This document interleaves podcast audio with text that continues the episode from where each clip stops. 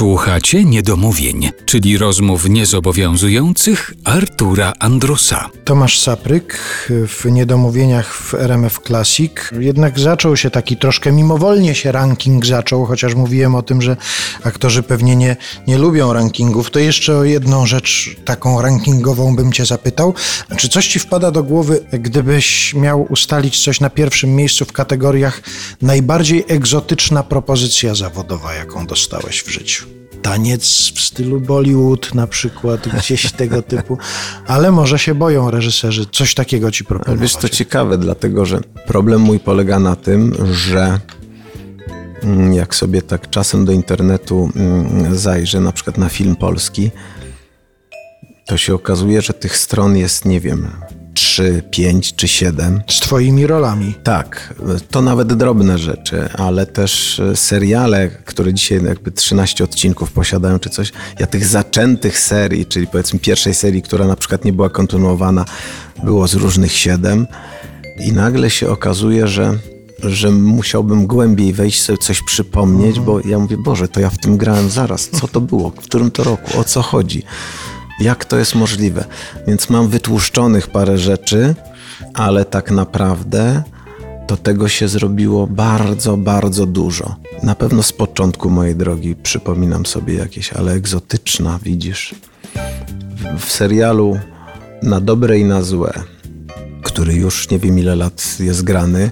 Za czasów Artura Żmijewskiego specjalnie to mówię, bo to właśnie ta, ta pierwsza seria, kiedy e, i Dusia Trafankowska grała i, i wiele wspaniałych kolegów i Krzysiek Pieczyński. I e, to w tej pierwszej serii dostałem rolę banana.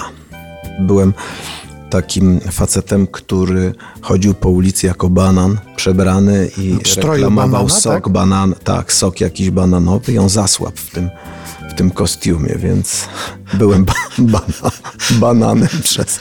Ale bananem przywiezionym do szpitala, Bananem tak? przywiezionym do szpitala. Musieli mnie obrać ze skórki i tam odratować, więc to było dosyć zabawne.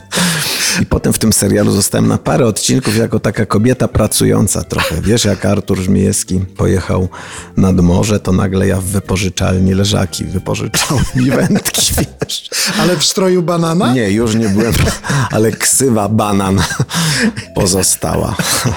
No to by było, jakby mu się zaczął pokazywać w każdym innym miejscu świata tak, w stroju banana, to by było. Tak, więc ze strojów to było dosyć egzotyczne, banan. Ale wspomniałeś tutaj o tym, że zdarza ci się, że zajrzysz na tę listę swoich ról i zastanawiasz się, co ja tam grałem, co to było, ale ten tytuł powinieneś zapamiętać, Crimen. Tak.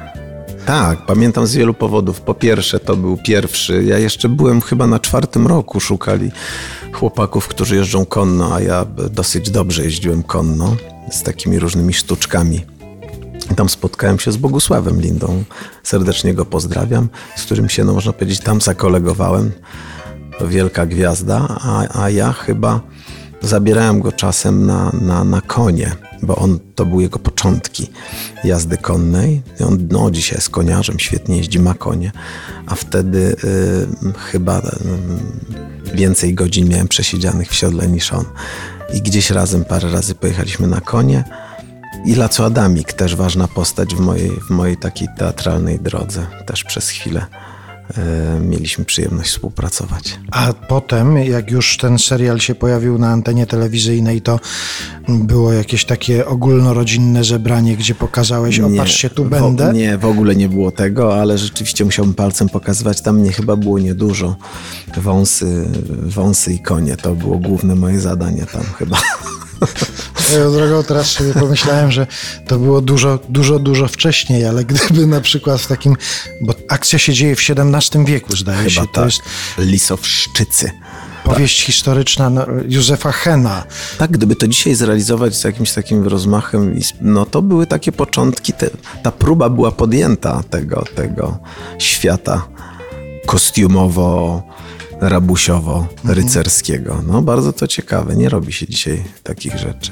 A ja sobie, przepraszam, ale to są kwestie moich jakichś dziwnych wyobrażeń, bo teraz sobie wyobraziłem jakby w takim właśnie XVII-wiecznym anturażu nagle przebiegł banan gdzieś tam pomiędzy. Ileż by można było Tam, ciekawych ujęć. tam były sceny głównie z takich e, rzeczy, które pamiętam poza aktorskich, to my jeździliśmy na, na, na koniach i one były o dziwo e, rasy śląskiej, to bardzo tłuste byki i nie wiem dlaczego sprowadzili nam stado ogierów, które bardzo się szybko podniecały i chciały się kryć nawzajem, a bez względu na to, czy miały jeść same sobie, czy nie. No ale resztę to już do wyobraźni zostawiam. Trudny film. Gdzieś jest chyba do zobaczenia. To teraz z takimi informacjami inaczej się będzie na to patrzyło.